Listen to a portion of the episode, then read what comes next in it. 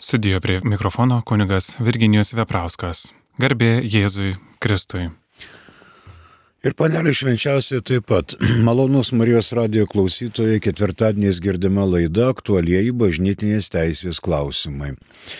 Šiandien pabaigsime paskutinį kanoną dėl šventųjų vietų ir laiko. Tai yra 1253 kanonas. Vyskupų konferencija gali tiksliau apibriežti pasninko ir abstinencijos laikymasi. Taip pat visiškai arba iš dalies juos pakeisti į kitas atgailos formas, ypač meilės darbus ir pamaldumo praktiką. Žodžiu, 1253 kanonu suteikiama teisė ir įgaliojimai vyskupų konferencijai. Dėl dviejų dalykų. Pirmas - dėl smulkesnio išaiškinimo ir išskaidimo arba formulavimo dalinėje teisėje dėl abstinencijos ir pasninko, dėl mėsiškų valgių ir kitų valgių. Tarkim, viskupijos yra Japonijoje, Afrikoje, Indijoje, kuriem žuvis yra įprastas maistas, tai jie penktadienius ir žuvies nesilaiko. Ten viskupų konferencija priima kitus sprendimus, kaip girdėjote, ypač meilės darbams ir pamaldumo praktikoms. Tai suteikiama viskupų konferencijai įgaliojimai smulkesni, kad gali jie priimti pas save atskirus nutarimus liečiančius pasninką ir abstinenciją. Antra mintis. Vyskupų konferencija gali pakeisti visiškai ar iš dalies atgailos formas į meilės ir pamaldumo darbus.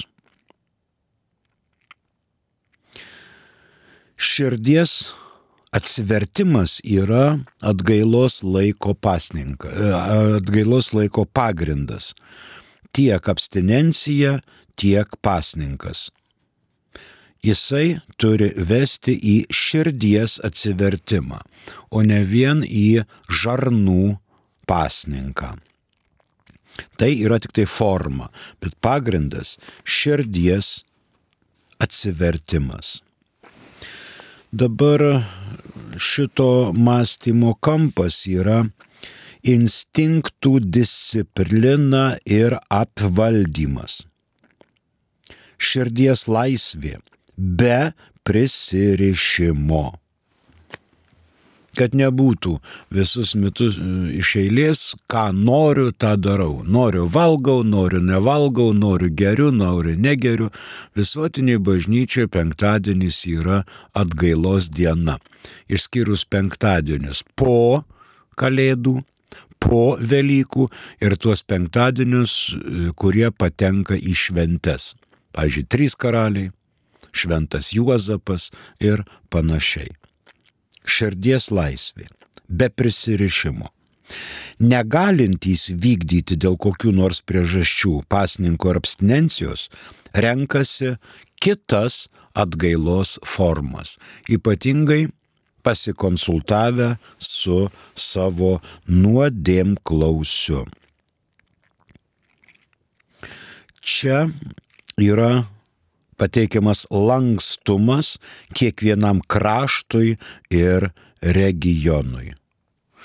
Pavyzdžiui, galima atsisakyti alkoholinių gėrimų tą dieną vartojimo, nikotino, daugiau kalbėti rožinį, ligonių, kalinių lankymą ir taip toliau. Kiekvienas pasirenka savo. Kalinių lankymas, tarkim. Kada paskutinį kartą mes aplankėme kalinį. Nesvarbu, už ką jisai kalė. Neužsvarbu, už ką jis yra nuteistas. Už tyčinę žmogžudystę, už netyčinę žmogžudystę ar dar dėl ko nors. Yra kalinys. Jis yra Dievo sutvėrimas, jis turi įgimtą žmogišką į orumą ir jį reikėtų lankyti. Ateina gavėnė, kodėlgi neaplankyti mm, iš tos pačios gatvės kalinti asmenį, kad ir už narkotikų platinimą. Jis atlieka bausmę, bet jis yra žmogus. Mes jį lankome.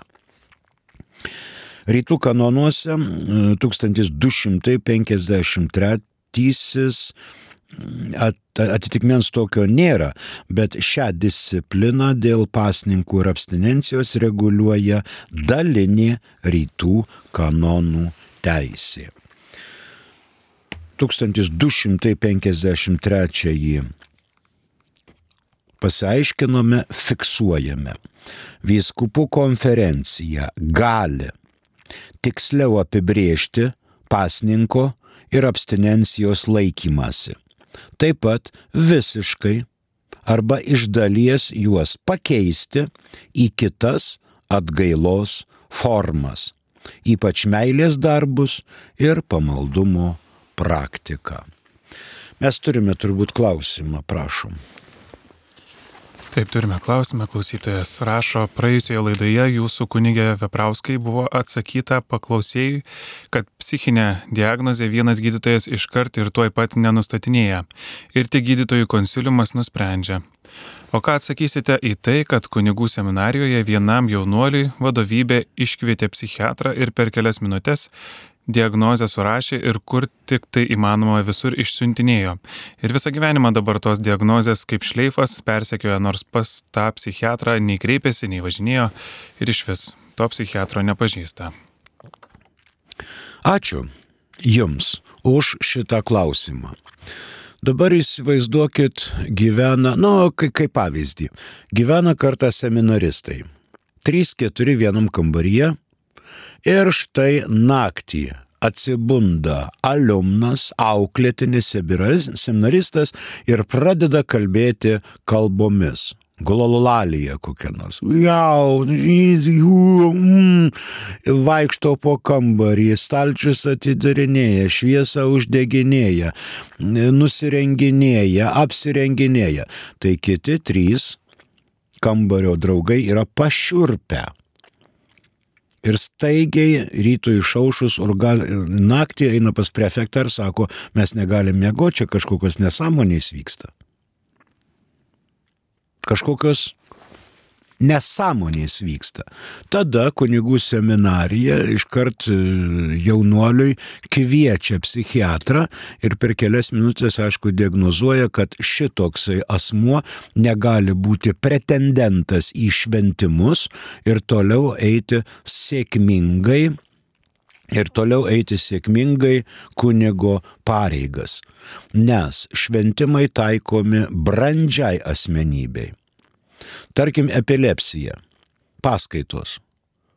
Žmogus puola, krenta ant grindų, putos iš jo burnos veržiasi, jam spėja kokį tušinuką arba pieštuką tarp dantų įkišti, kad nesusikandžiotų liežuvio ir visi pastebi, kad tai yra epilepsinis priepolis.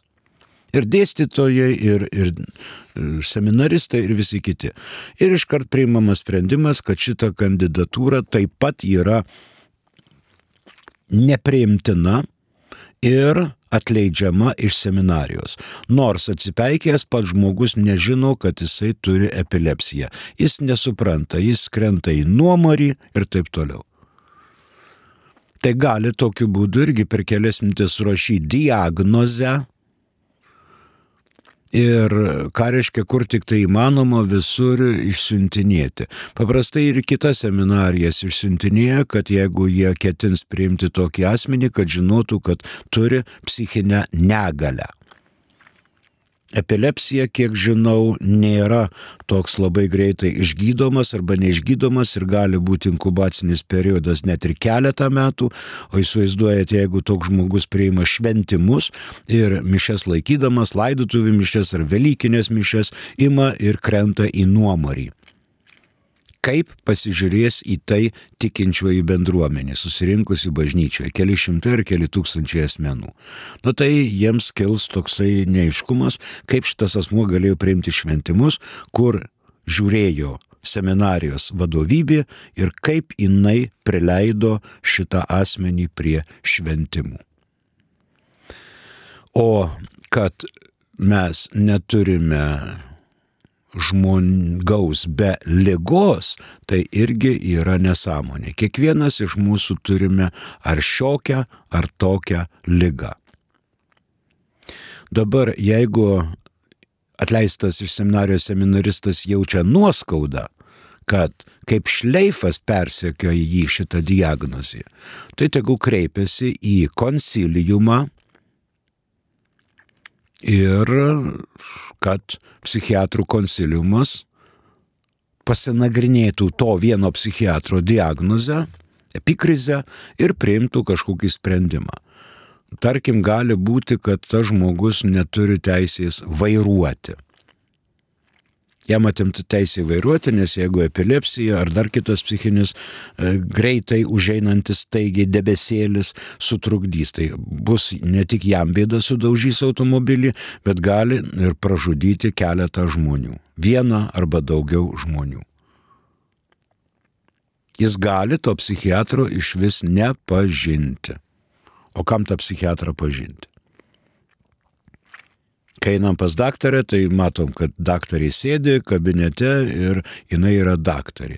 Nereikia klausti, koks jūsų vardas, pavardė, esate ištekėjusi, akių spalva, batų numeris, kraujo grupė, kiek vaikų turite, ar vaikai krikštyti, ar nekrikštyti, tai pradėsi tardyti dabar, kas tai per, kad pažintum daktarą. Ar psichiatrą, ar psichoterapeutą, ar psichologą. Tai būtų toksai atsakymas.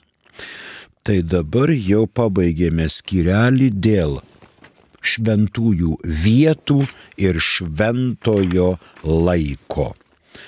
Atėjo metas aiškintis kanonų teisės kodekso penktąją knygą, kuri vadinasi Bažnyčios laikinosios gerybės. Bažnyčios laikinosios gerybės. Tai yra nu, galim sakyti, materialus turtas. Bažnyčia turi įgimtą teisę įgyti, valdyti, turėti ir perleisti materialinės gėrybės. Bažnyčia šita teisė nėra suteikta. Bažnyčia šitą teisę turi įgimtų būdų įgimta teisė, kaip ir kiekvieno žmogaus orumas. Jeigu esi žmogus, turi įgimtą teisę į žmogišką į orumą. E, reformuojant 1917 m. kanonų teisės kodeksą buvo keletas pakeitimų daroma. 17 metų kanonų teisės kodekse nebuvo padalos į viešus juridinius asmenis ir privačius juridinius asmenis. Dabar 83 metų kanonų teisės kodekse yra skirstimas į viešus juridinius asmenis ir privačius juridinius asmenis. Buvo daroma reforma norint palanaikinti ankstesnio kodekso beneficinę teisę ją likviduoti. Kas yra beneficinė teisė? Parapija anksčiau buvo beneficija. Tarkim, šviesos atminties Vilniaus arkivyskupas metropolitas Romualdas Jalbžikovskis prie savo kadencijos pabaigą paskiria į šventųjų apaštulų Petro ir Pauliaus bažnyčią savo kunigą favoritą ir suteikė jam dekretą parochus imovibilis. Nepajudinamas klebonas. Klebonui 40 metų, Jelžikovskis po kelių metų baigė kadenciją ir visa parapija žino, kad šito klebono nepajėgs niekas iškelti dar mažiausiai 35 metus ir naudosis jo malonėmis. malonėmis. 35 metus. Ateina Jelbžikovskio įpėdinis, iškelt negali, kadangi jis turi beneficinę teisę. Nepajudinamas klebonas. Iki tol, kol pats norės ten būti, arba iki tol, kol mirtis jį pasikvies į amžinybę. Tai tokios visokios beneficinės teisės buvo panaikintos antrojo Vatikano susirinkimo.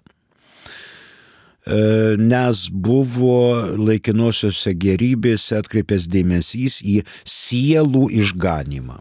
Bažnyčioje turtas, kai turėtų būti kaip ir aukščiausias tikslas, skirtas sielų išganimui. Ypatingai suteikti dideli įgaliojimai dalinėje teisėje. Aišku, dalinėje teisėje bažnyčia veikia ne Saharos dykumo, kur nieko nėra, tačiau naudojasi bažnyčiomis, kurios yra be galo senos, ten už 7, 8, 9, 11 amžiaus, kur yra didžiulės kultūros vertybės, istorinės vertybės ir taip toliau.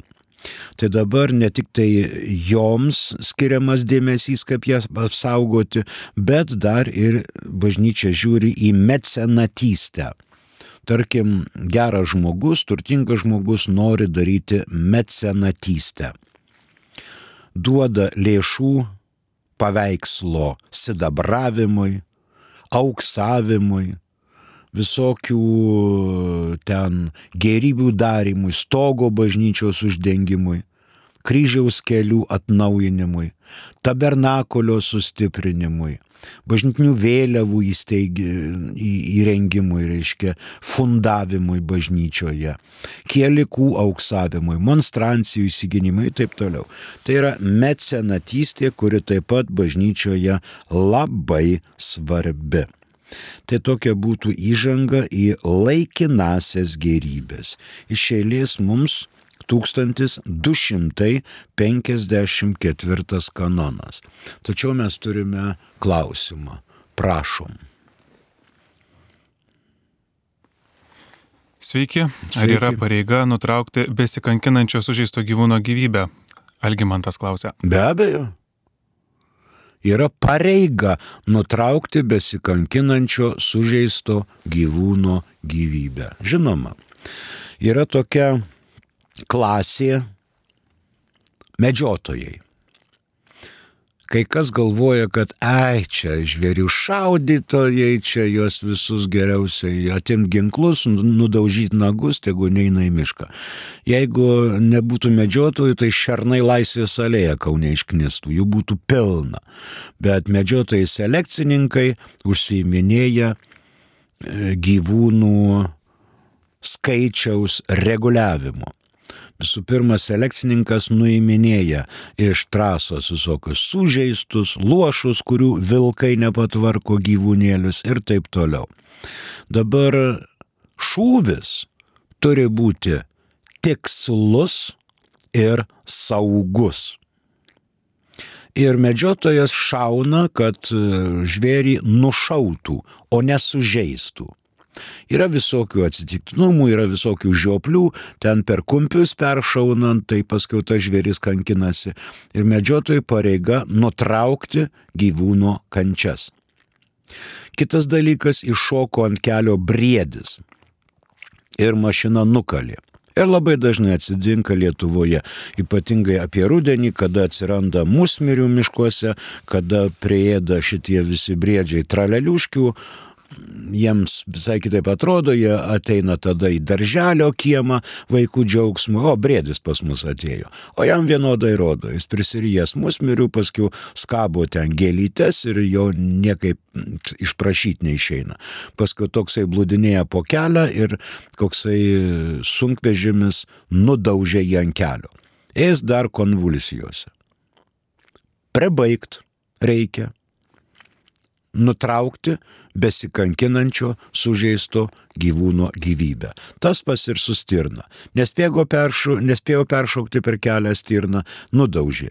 Ir matai, kad dar konvulsijose. Tai pasink peilį, nueik, čirkš per gerklę, išbėgo kraujas ir, taip sakant, halal įvyko.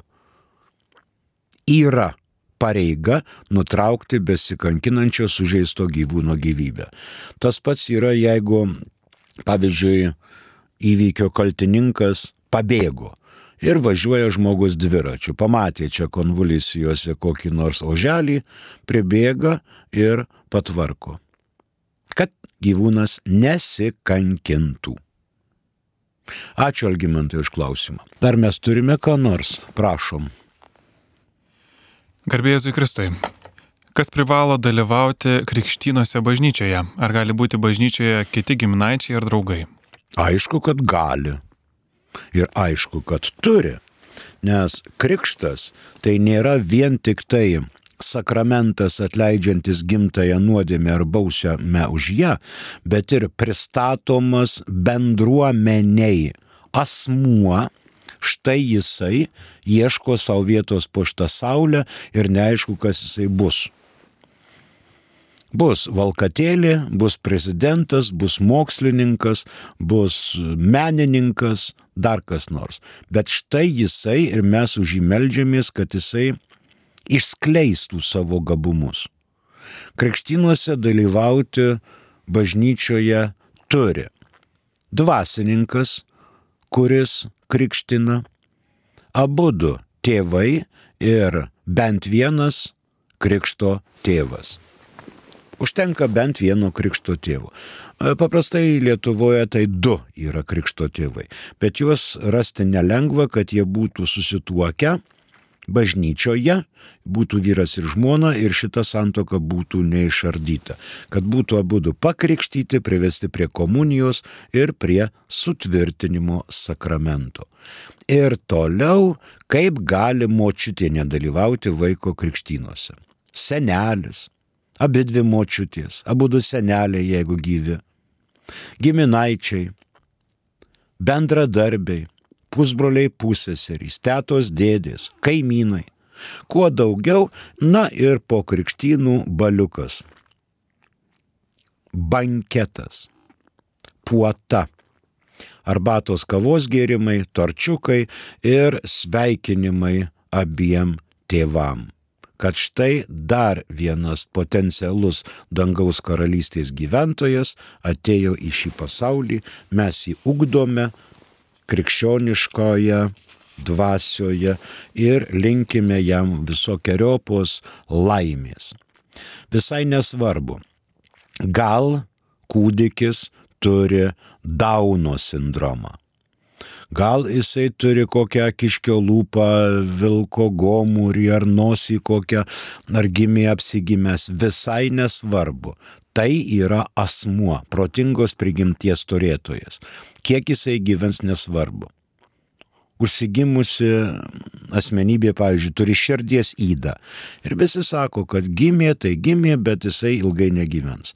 Na ir kas, kad ilgai negyvens? Bet jam priklauso gauti krikštą ir gyventi tiek, kiek Dievas leis. O mes žmonės tengiamės, kad tas žmogus gyventų kuo ilgiau. Taip kad bažnyčioje kiti giminaičiai ar draugai privalo būti kuo gausiau. Jeigu nėra galimybių, tarkim vaikas serga, klinikoje yra kapelionas ir jis pakrikština vaiką tik tai mamos akivaizdoje, seselės akivaizdoje, gydytojos akivaizdoje, ateina ir pakrikštyje. Ten jau nesukviesi prie reanimacinio skyriaus, daug giminaičių, daug pažįstamų ir kartais net tėvas neleidžiamas.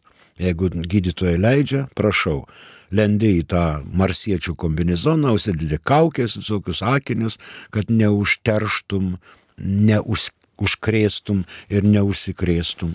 Ir esi krikšto apieigose. Kunigas ateina taip pat kaip ufonautas, aprengtas, išdezinfekuotas ir krikštyje. Ačiū iš klausimų. Daugiau neturim, taip? Ar dar yra? Na, prašau, dar kažkas mus pasiekė. Prašom. Kunigai sako, kad Dievas pasilieka su žmonėmis per sakramentus. Ar tai reiškia, kad jei sakramentų nebūtų, viešpats negalėtų likti su žmonija, bet kaip sugeba bendrauti su aukščiausiųjų kitų religijų adeptai? Ar protestantai, jiems sakramentai katalikų iš, išmislas? Ačiū už klausimą. Kitų religijų adeptai, reiškia protestantai, evangelikai, literonai, Jiems sakramentai katalikų išmislas. Na ir kas? Dabar, na ir kas, kad taip yra. E, dabar žiūrėkime taip. Kristus paliko septynis sakramentus. Tai Kristaus paliktas regimas ženklas Dievo maloniai gauti.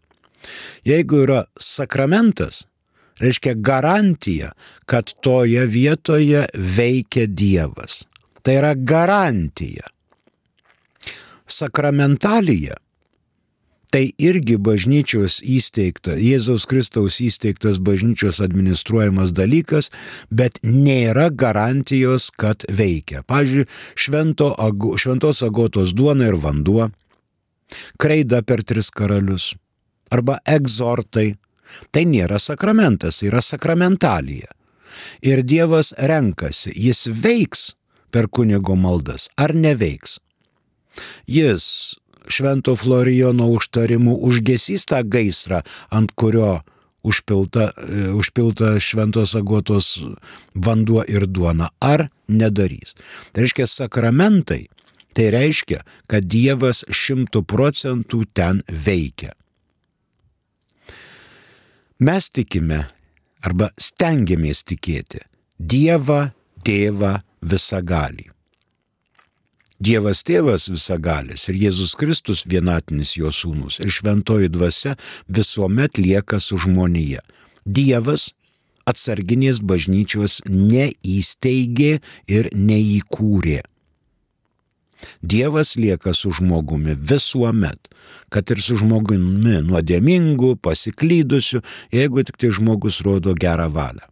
Jei piktą valią žmogus rodo, jeigu netiki Dievą, niekina, burnoja prieš Dievą, tai kodėl Dievas turėtų su tokiu žmogum pasilikti? Jis galbūt jį palieka eiti savo keliu. Bet užtat kiti žmonės jam padeda tą daryti. Dabar krikščionis sugeba bendrauti su aukščiausioju malda. Kitų religijų adeptai, net ir tie protestantai, evangelikai, liuteronai, irgi bendrauja su Dievu malda. Jiems nėra kunigystės sakramento. Jie nepripažįsta kunigystės sakramentą, tik tai ordinaciją bet jie irgi meldžiasi ir bendrauja su Dievu. Aš nematau čia kažkokio tai, kažkokios bėdos. Jie irgi meldžiasi. Irgi bendrauja. Matot, evangelikai nepripažįsta sakramentų. Vat paprastas dalykas. Yra toksai lietuviškas miestas Liepoja. Ten evangelikų bendruomenė nuo 1584 metų. Čia pajūris, čia staigiai atėjo nuo 1517 metų, Liuterio mm, idėjos atėjo ir ten, suprantat, yra bažnyčia, jau keletą kartų perstatyta, paskutinė turbūt ar ne 19 amžiui, bet bendruomenė nuo 1584 metų. Įeini Liepojoje į evangelikų bažnyčią ir apstulpsti. Yra klausykla ir klausykloje užmesta stula. Tai sakau, kas čia dabar per cirkai? Kunigystės nepripažįsta, atgailos sakramento nepripažįsta, o čia stula ir klausykla yra. Jie laisvai pasakė, sako, žinot, žmonės kartais nori su kunigu pasikalbėti vieni du.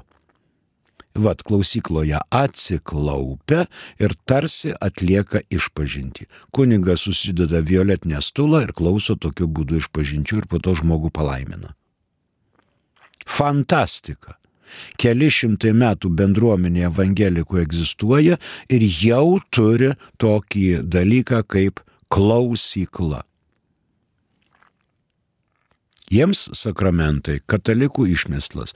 Bet matot, sakramentai turi biblinį pagrindą. Ir kiekvienas sakramentas Biblijoje yra, turi savo pagrindą. Yra tekstai, yra magisteriumas, yra tradicija, kuri atnešė šitas mintis nuo pirmųjų amžių iki mūsų laikų. Taip kad išmislas katalikų ne, greičiau krikščionių, jeigu taip norite. Ačiū už klausimą. Dar mes turime ką, prašom.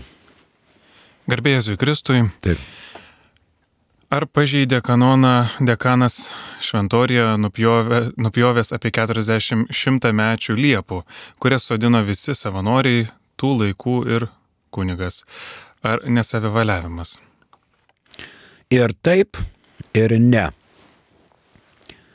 Kanonai nepasisako už šimtamečių liepų pjovimą ar nepjovimą. Liepa yra medis. Medis, kaip Marija Gimbutienė sakė, kaip ir bet kas, turi gimimą, turi augimą, turi mirtį ir turi regeneraciją.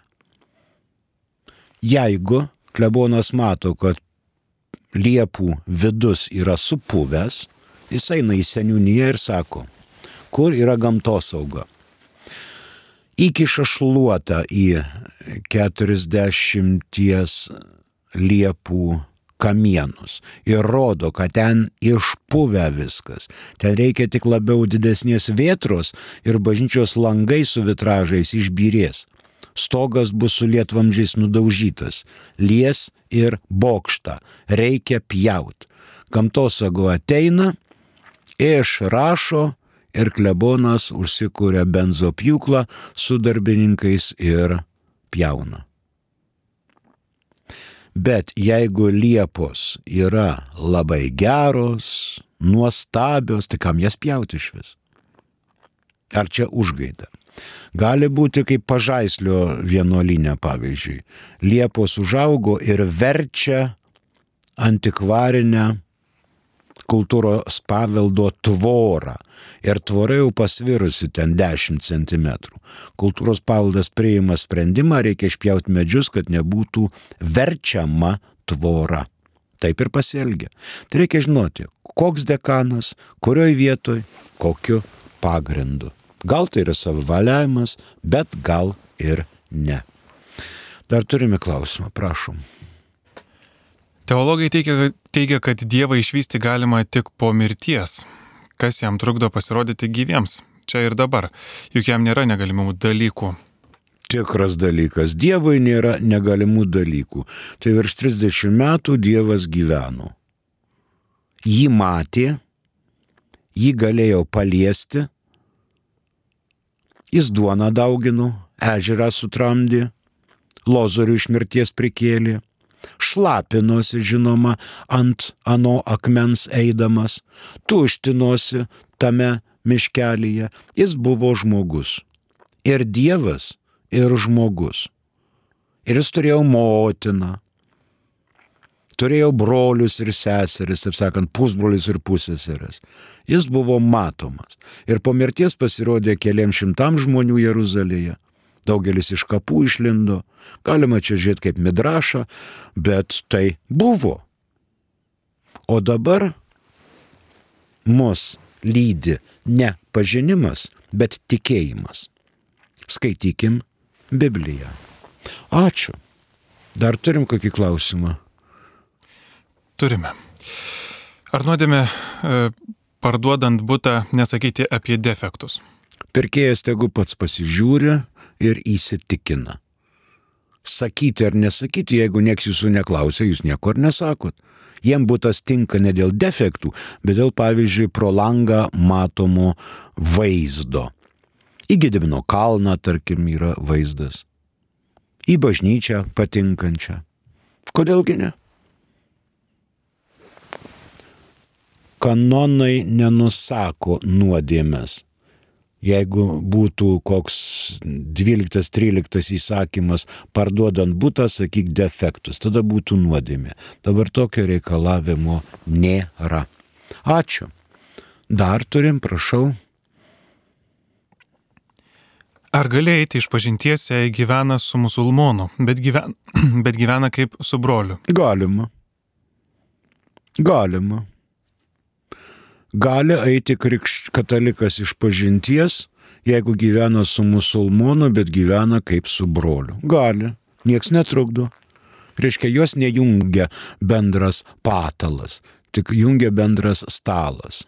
Šiaip į teatrą nueina ir dar kur nors, reiškia, nueina. Galima. Jeigu neturi šitų lytinių santykių, tikrai gali eiti iš pažinties. Bet tai žmogus jau pats priima.